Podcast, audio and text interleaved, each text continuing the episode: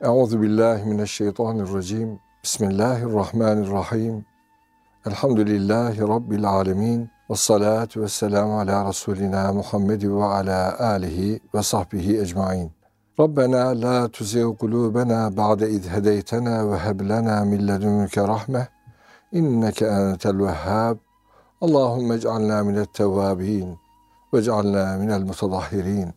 Allahumme allimna ma yenfa'una Bima allemtena ve zidna ilma. Değerli dinleyenlerim, aziz dostlar, tefsir derslerimizde Hucurat suresine başlamıştık. İnşallah bugün Rabbimizin izniyle 6. ayetten başlayıp 10. ayete kadar hem ilahi kelamı tilavet edeceğiz hem de anlamaya çalışacağız inşallah. أعوذ بالله من الشيطان الرجيم. بسم الله الرحمن الرحيم. يا أيها الذين آمنوا إن جاءكم فاسق بنبأ فتبينوا فتبينوا أن تصيبوا قوما بجهالة فتصبحوا على ما فعلتم نادمين. واعلموا أن فيكم رسول الله. لو يطيعكم في كثير من الامر لعنتم ولكن الله حبب اليكم الايمان وزينه في قلوبكم وزينه في قلوبكم وكره إليكم الكفر والفسوق والعصيان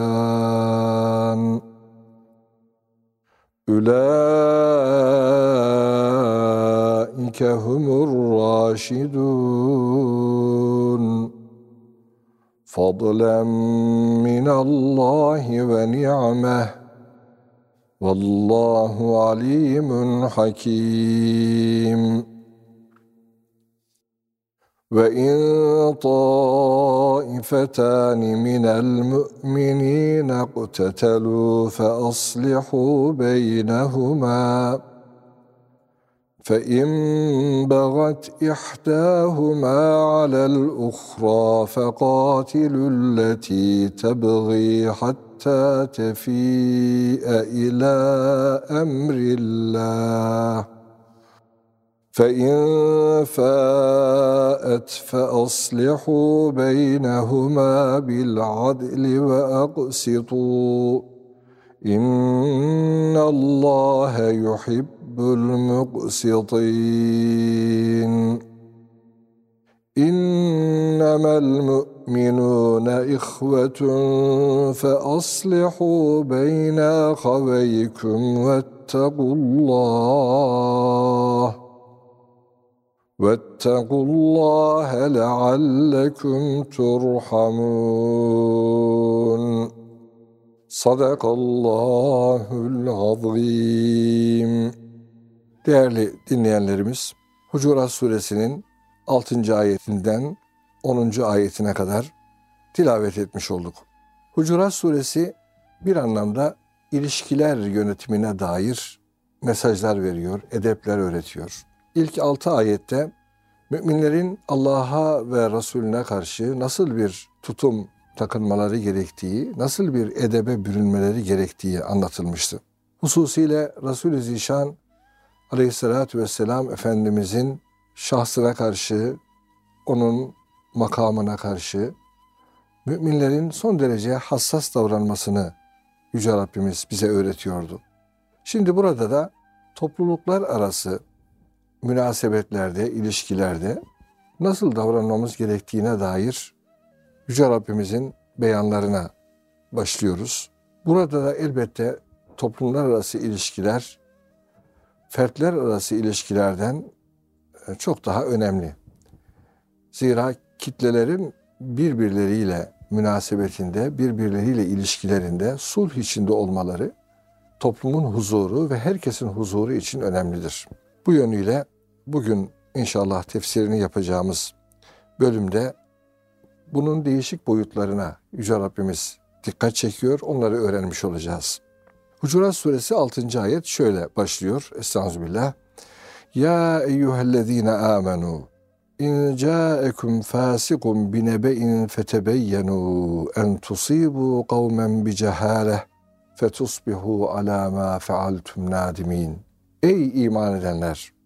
Bilmeden birilerine zarar verip de sonra yaptığınıza pişman olmamanız için yoldan çıkmışın biri, fasıkın biri size bir haber getirdiğinde doğruluğunu araştırın. Evet, toplum içerisinde bir takım algı operasyonları yapmak isteyen çok insan olur. Bunların içerisinde iyi niyetli olanlar olduğu gibi kötü niyetli olanlar da olur. Doğru haber son derece önemlidir. Yalan haber, yanlış haber birçok haksızlıkların oluşmasına da zemin hazırlayabilir. İşte bu sebeple müminlerin uyanık olması, her duyduğuna hemen inanı vermemesi için Rabbimiz uyarıyor. Özellikle haber kaynağının araştırılması gerektiği üzerine dikkat çekiliyor. Yoldan çıkmış biri ki fasık kelimesi aslında dürüstlükten ayrılmış, bir takım kendi menfaatleri adına da olabilir, yalana, yanlışa kolayca tevessül edebilen ya da kötü niyetli de olabilir. O günaha girmeyi göze alan ya da kolayca günah işleyen kişi fasık kelimesi değişik anlamlarda da kullanılır Kur'an-ı Kerim'de. Ancak müminler söz konusu olduğunda daha çok büyük günah diye ifade edilebilecek günahlardan birini işleyen kişiye de denir. İşte Rabbimiz müminlere dikkat çekiyor. Herhangi bir fasık diyor.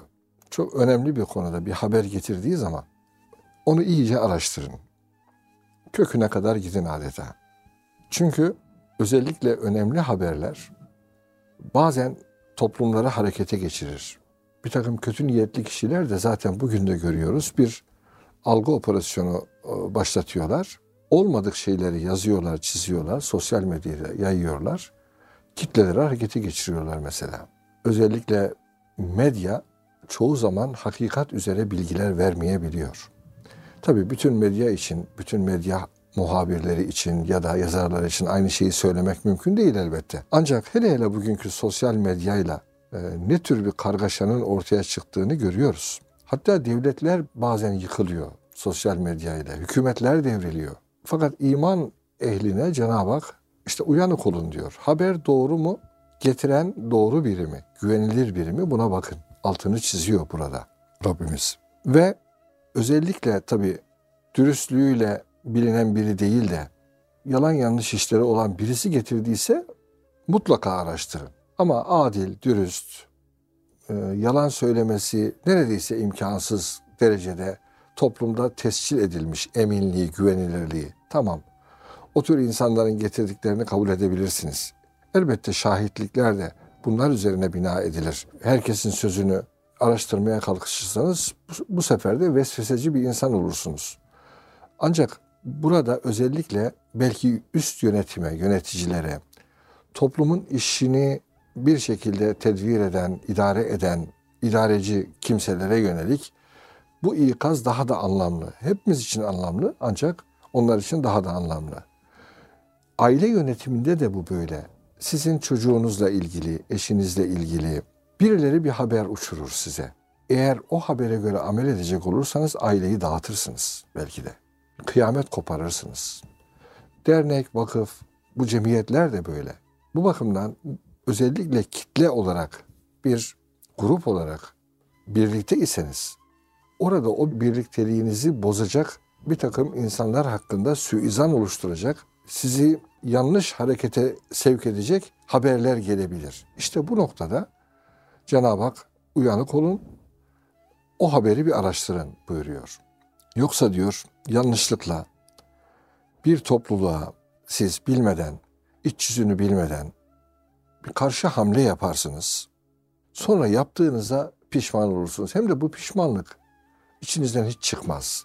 Yani burada fetusbihu ala ma fealtum nadimin adeta sürekli pişmanlık yaşayan, içine sürekli o yaptığı yanlış acı veren bir grup gruba dönüşürsünüz, kişilere dönüşürsünüz. Aman dikkatli olun deniliyor.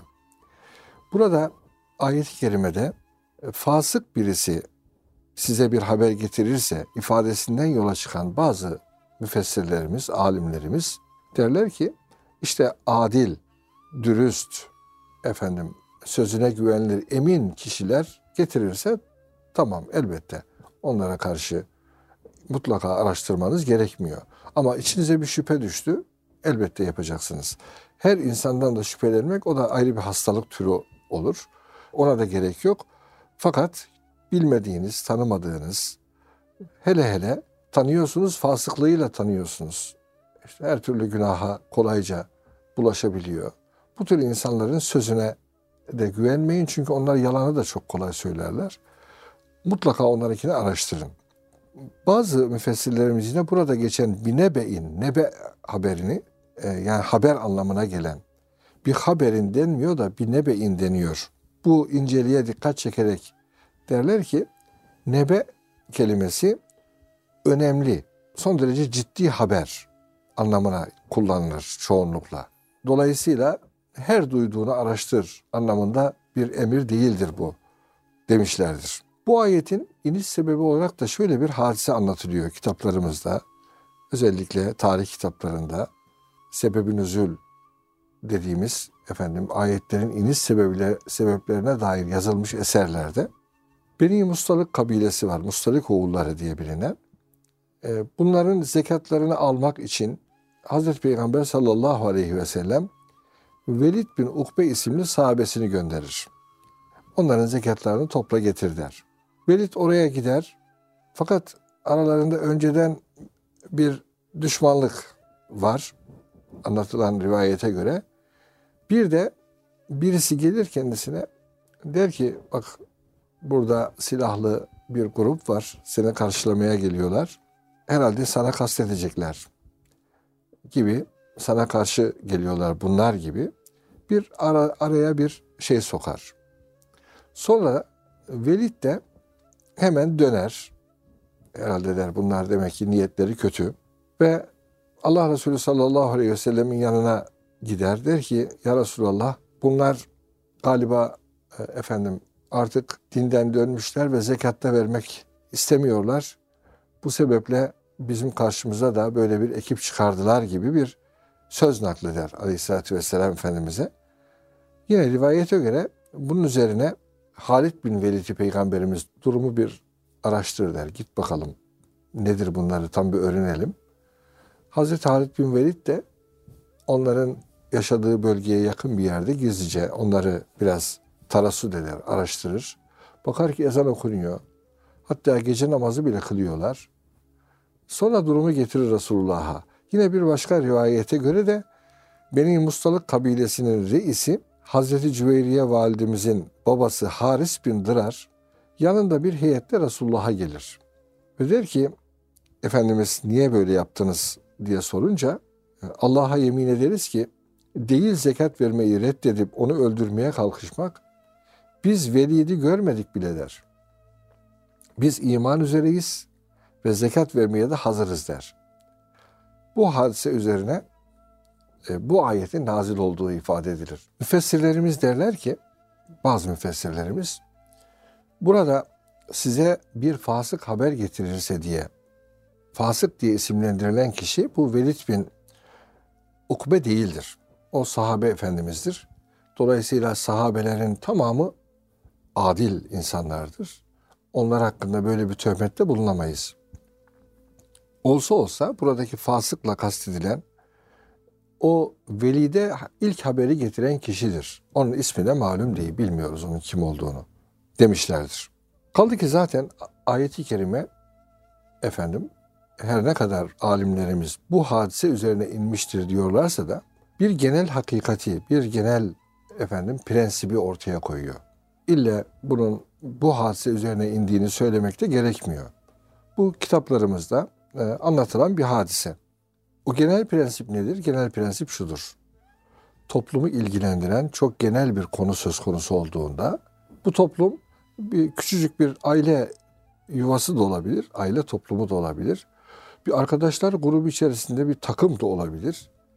Ne bileyim bir dernek yönetimi de olabilir, vakıf yönetimi de olabilir. Daha üst bir kuruluş, cemiyet de olabilir.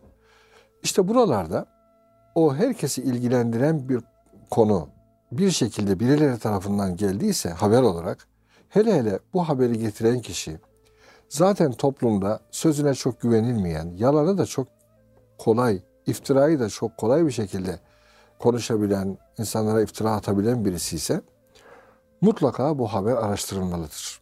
Ayet bunu bize haber veriyor. Aksi halde haksız yere bir topluluğa sataşırsınız, bir topluluğun hakkına girersiniz. Belki zulmedersiniz. Ona kötülük yaparsınız. Sonra da bir ömür bir ömür pişman olursunuz der. Bu ayetten yola çıkan muhaddisler, hadisçilerimiz evet fasık bir kimsenin haberi alınamaz olduğu gibi doğru haberdir diye.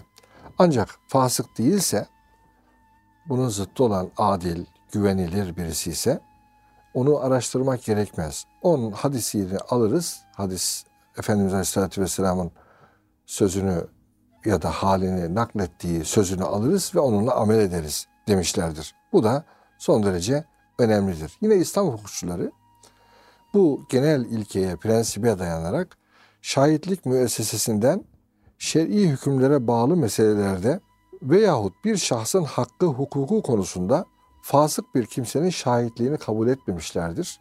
Bugünkü hukukta e, böyle bir şey yok. E, efendim kendinize yalancı şahitte bulmak kolay oluyor. Ama İslam hukuku şahidi de araştırıyor. Bu kişinin hayatı nasıl? Güvenilir birisi midir? Güvenilmez birisi midir? Çünkü neticede bir hüküm verilecek. O hükümle birileri belki kaybedecek, birileri kazanacak. Ama adaletin sağlanabilmesi için o şahitlerin de doğru olması son derece önemlidir. Ve yalancı şahitlik en büyük günahlardan birisidir.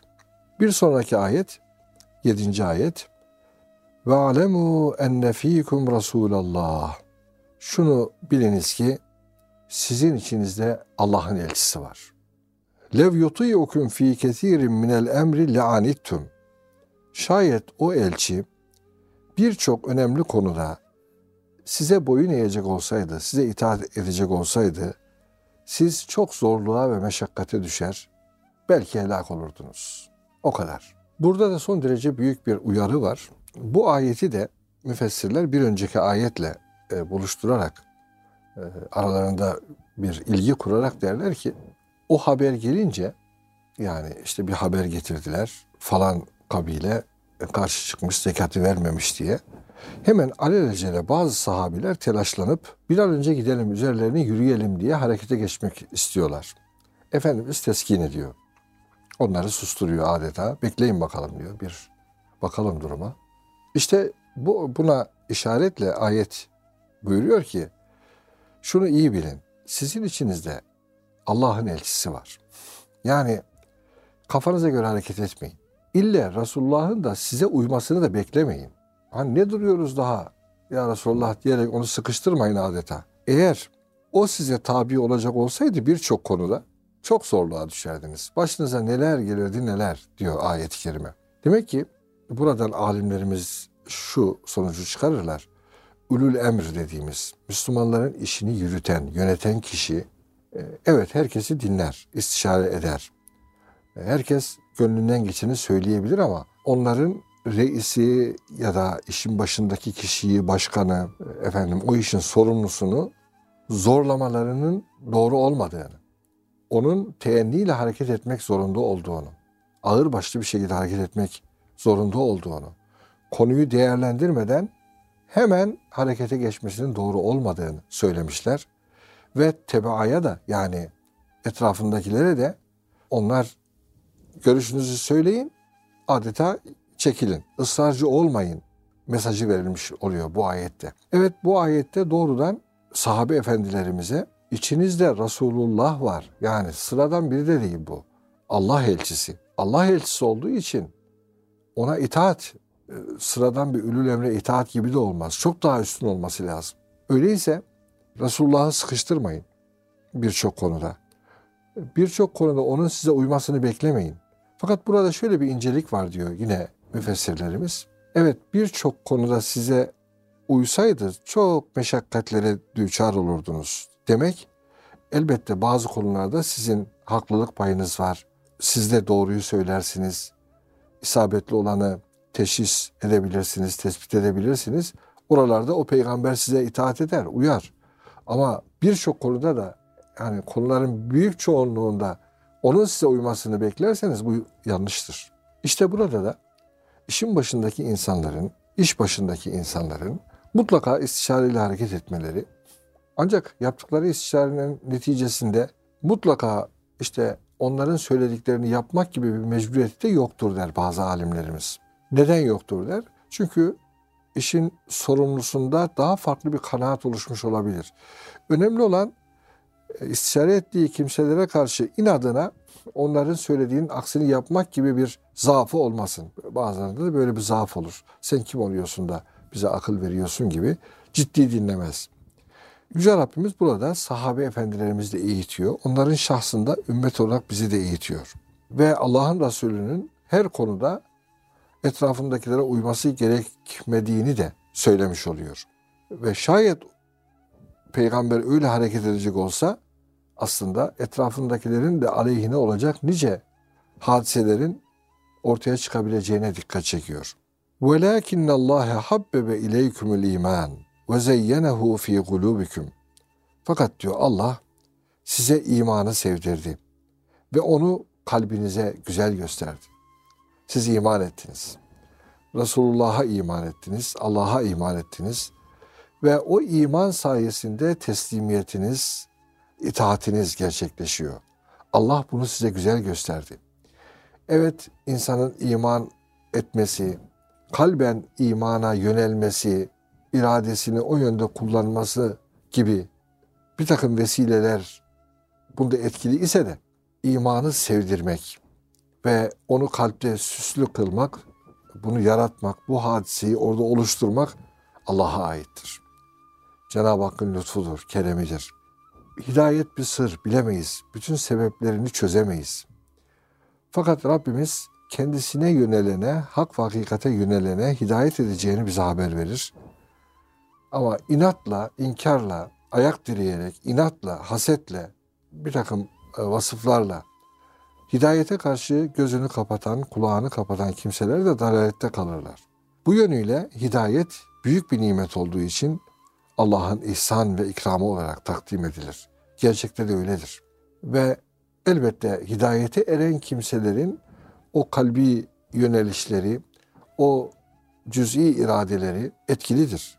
Her ne kadar bazı alimlerimiz onu bile görmezden geliyorlarsa da ehl sünnet diye ifade ettiğimiz alimlerimiz bu konuda uzun uzun kitaplar yazmışlar, konuyu tartışmışlar ve netice itibariyle o hidayete eren kulların hidayeti kabul noktasında o meyil, Kur'an'ın inabe dediği hakka, hakikate karşı kalbin meyil etmesinin önemli bir vesile olduğunu söylemişlerdir. Bu bakımdan da efendim kulun böylesi küçücük bir meyli o hidayeti bütünüyle hak etmesini gerektirmeyebilir. Ama Cenab-ı Hak kulun küçük bir yönelişine büyük bir ikramda bulunarak hidayeti ona lütfeder. İmanı ona lütfeder. Onun için iman daha çok lütuftur. İkram-ı ilahidir, ihsan-ı ilahidir. Bunu da böyle bilmek lazım aziz dostlar. Rabbimiz burada imanı Allah size sevdirdi. İmanla iman imanla sevgi arasında bir bağ kuruyor dikkat ederseniz. Yani adeta imanın zemininde muhabbet var. Bunun için de bir başka ayette Rabbimiz vellezine amenu eşeddu hubben lillah buyurur. İman edenlerde Allah sevgisi çok çok şiddetlidir. İman muhabbet zemini üzerinde oturuyor. Bu yönüyle de imanı korumak, imanda sebat etmek, imanın kuvvetlenmesini, artmasını istiyorsak orada Allah muhabbetini, Resulullah muhabbetini, din muhabbetini artırmak gerekiyor. Bu sırra da burada işaret var. Eğer kul muhabbetin artmasına doğru Yüce Rabbine kalbini açar, ondan niyazda bulunursa, Allah'ım zat-ı uluhiyetinin sevgisini bana ver, Habibinin sevgini bana ver diye e, efendim güzel amellerin, beni sana senin sevgine eriştirecek amellerin sevgisini bana ver diye niyazda bulunursa Cenab-ı Hak ona elbette sevdirecektir. Sevgi rızkını onun artıracaktır. Evet Allah size imanı sevdirdi. Onu kalbinize süsledi, güzelleştirdi. Kalbinize onu adeta bir zinet gibi yerleştirdi. Ve kerrahe ileykümül küfra vel fusuka vel isyan ve size de inkarı, Allah'a inkar etmeyi, nankörlüğü, füsuku, yoldan çıkmayı, ilahi emir ve yasakları çiğnemeyi ve Allah'a karşı ve Resulüne karşı asi olmayı, isyan, itaatkar değil de asi olmayı size çirkin gösterdi. Size çirkin gösterdi de siz bu sayede o Resulün talimatına uydunuz. Ulaike humur raşidun. İşte kendilerine iman sevdirilen ve küfür, fısık ve isyan çirkin gösterilen bu kimseler var ya, işte bunlar er-raşidundur. Yani doğru yolda olanların ta kendileri bunlardır. Bunlar rüşte ermişlerdir. Yani hakikat üzere hareket etmeye muvaffak olmuşlardır. Hak ve hakikat üzere efendim sabit kadem kalabilmişlerdir. Ayakları kaymamıştır. Gönülleri kaymamıştır. Gözleri adeta kaymamıştır. Ve bunlar gerçek raşidundur. Şunu ifade edelim.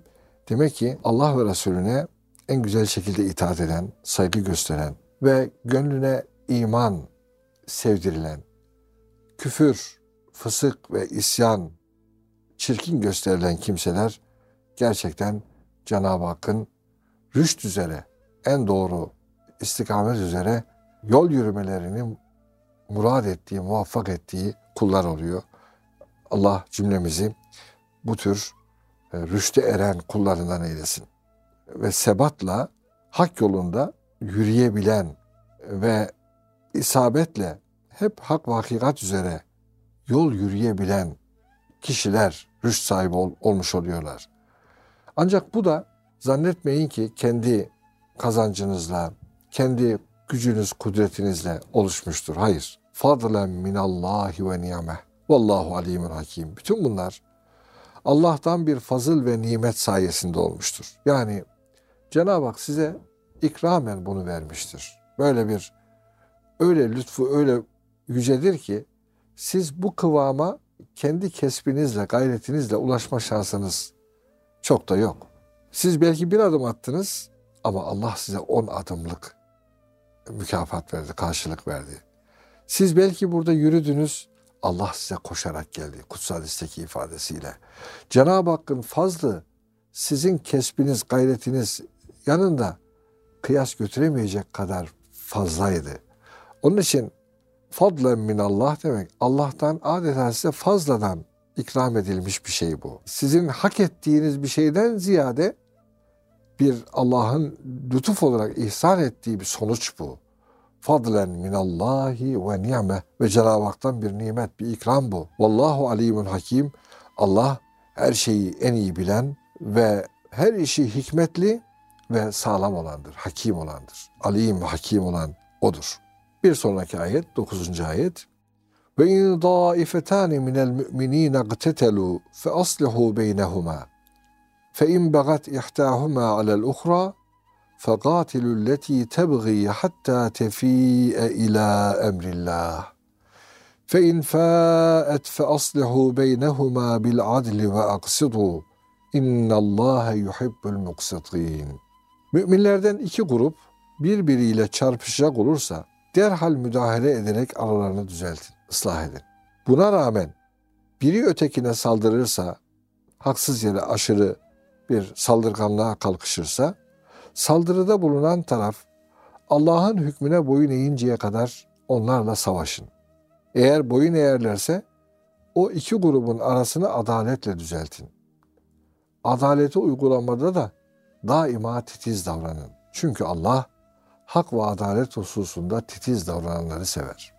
Yine rivayete göre Efendimiz Aleyhisselatü Vesselam bir gün Sa'd bin Ubade hastalanmış. Onu ziyarete giderken yol üstünde birileri der ki efendim oraya giderken şurada Abdullah bin Übey bin Selül de var ki münafıkların reisi olarak bilinir. Ona da bir uğrasak der. Efendimiz de bir merkebin üzerindedir. Peki der Aleyhisselatü Vesselam Efendimiz. Oraya doğru yönelirler. Abdullah bin Übey bu sefer der ki ya şu merkebin kokusu da çok kötü deyince Abdullah bin Revaha var orada gücüne gider. Şimdi Resulullah'ın merkebine laf ediyor. Der ki Resulullah'ın merkebinin kokusu senin kokundan daha iyidir der. Bu sefer Abdullah bin Übey'in, Übey bin Selül'ün etrafındakiler harekete geçerler, saldırmak isterler. Bu sefer Abdullah bin Revaha'nın etrafındakiler de karşı saldırıya geçerler derken tas sopa ne buldurarsa ayakkabı her neyse birbirlerine vurmaya başlarlar. Efendimiz Aleyhisselatü Vesselam arayı bulur orada sulh eder. İşte bunun üzerine bu ayetlerin indiği ifade edilir. Ancak burada tabii mana daha genel bir mana. Müminlerden iki grup taife. Taife aslında işte 5-10 kişilik gruplar da olabilir. 100 kişilik gruplar da olabilir. Ha devletler olur mu? Devletler bazında olabilir mi? İslam kuşçuları bu ayetten yola çıkarak devletler arası bu anlamda İslam devletleri arası diye ya Müslüman devletler, Müslüman topluluklar arası savaş olunca da bu ayetten yola çıkarak bir takım hükümler ortaya koyarlar. E, elbette Kur'an-ı Kerim kıyamete kadar e, Müslümanların önüne çıkacak birçok meselede nice nice aydınlatıcı bu anlamda ayetleriyle, kıssalarıyla ışık tutar. Evet, eğer iki grup birbiriyle bu anlamda adeta öldüresiye birbirine girecek olurlarsa diğer Müslümanlara, üçüncü gruba düşen, kenarda duranlara düşen vazife bunların aralarını bulmaktır, ıslahtır, barış, barıştıracak. Oturacaklar, konuşacaklar belki ama birisi habire ileri daha da ne bileyim üste çıkmak istiyor. Çünkü bagat kelimesi burada haksız yere de bir istekte bulunarak üste çıkmak anlamına geliyor. Eğer birisi hem haklı değil hem de böyle üste çıkmaya diretiyorsa o zaman diyor ki üçüncü gruba Cenab-ı Hak siz de diyor diğer grubun yanında yer alın. Bu bağı olan yani asi olan, yola gelmeyen, haksız yere diğerine zulmetmek isteyene karşı birleşin. Siz de ona karşı savaşın. Yani ona onun adeta gücünü kırın. Böyle beyan buyuruluyor. Şayet diyor bu sefer geri dönerse, vazgeçerse bu ikisinden birisi diyelim. Yani o asi olan taraf vazgeçecek olursa, Allah'ın emrine teslim olacak olursa, Allah ve Resulünün emrine ya da o zaman Müslümanların o üçüncü grubun başında bulunan bir idare de olabilir bu. Akil heyet de olabilir. Ee, ilahi ahkama göre bir sulhe razı olacak olursa o zaman da diyor Cenab-ı Hak bunların arasında adaletle bulun. Yani yine haksızlık yapmayın. Kimin hakkı neyse herkese hak haklarını verin, nasiplerini verin. Ve bunda da titiz davranın. Titiz davranmazsanız çünkü yeniden alevlenir iş, yeniden bozulur. Tekrar harp gibi savaş, fitne her şey ortaya çıkar. Aman diyor adalete dikkat edin çünkü Allah böyle adalette çok titiz davrananları sever. İnna Allah yuhibbul muqsitin. Adeta ince ince adalet gösteren, adaletin zerresini bile önemseyen kimseleri sever Allah. Bu konuyla ilgili özellikle bagi diye ifade edebileceğimiz devlete baş kaldıranlar da bu ayetin tefsirinde bazı tefsirlerde uzun uzun söz konusu edilmiş, onlara karşı nasıl tavır alınması gerektiği üzerinde de durulmuştur. Herhangi bir güçlü delile dayanmadan haksız yere İslam devletine karşı baş kaldıran kişilere yönelik devletin yanında yer almak önemlidir. Ancak hangi durumda devlet hangi aşamaya gelince o devlete baş kaldıran kimselerle beraber hareket edilir. Bu konu fıkıh kitaplarında ince ince işlenmiştir. Hakikaten uzunca işlenmiştir. Özel kitaplarda bölümler vardır bu, bu konuyla ilgili. Burası da son derece hassastır ve İslam hukukunun meselelerinin önemlilerindendir. İlgili kişilerin bu anlamda İslam hukuku kitaplarına mesela Ömer Nasuhi Bilmen'in Istilahat-ı Fıkhiye kamusuna bakabilirler. Bazı tefsirlerde bu konu çok uzun işlenmiştir. Mesela Fahri Razi'de böyledir. Son zamanda Mevdudi'nin Tefhimül Kur'an'ında bu konuyla ilgili efe, epey bir detay bilgi mevcuttur. Buraya bakılabilir. Çünkü sadece bu ayetten değil daha başka ayetlerden de yola çıkılarak bu tür hadiselerde nasıl davranılması gerektiğine dair İslam alimlerimizin görüşleri, iştihatları vardır. Oraya bakılabilir aziz dostlar. Yüce Rabbimiz esasen müminler arası hiçbir zaman böylesi kargaşaya fırsat verilmemesine dikkat çeker birçok ayette. Yeryüzünde de sulhu ister Cenab-ı Hak. Hele hele iman edenlerin kendi içinde bütünlüklerini korumalarına çok ehemmiyet verir. Bu yönüyle de bütün müminler uyarılır. Topluluk topluluk uyarılırlar. İçeride ve dışarıda müminlerin birbirini seven kardeşler olmaları arzu edilir. Bu sebeple bundan sonraki ayet bir kardeşlik ilanı ayetidir ve daha sonra da kardeşliği bozacak hususlara dikkat çekilir. İnşallah bir sonraki dersimizde 10. ayetten başlarız ve Cenab-ı Hakk'ın izin verdiği yere kadar devam ederiz efendim. Allah'a emanet olunuz.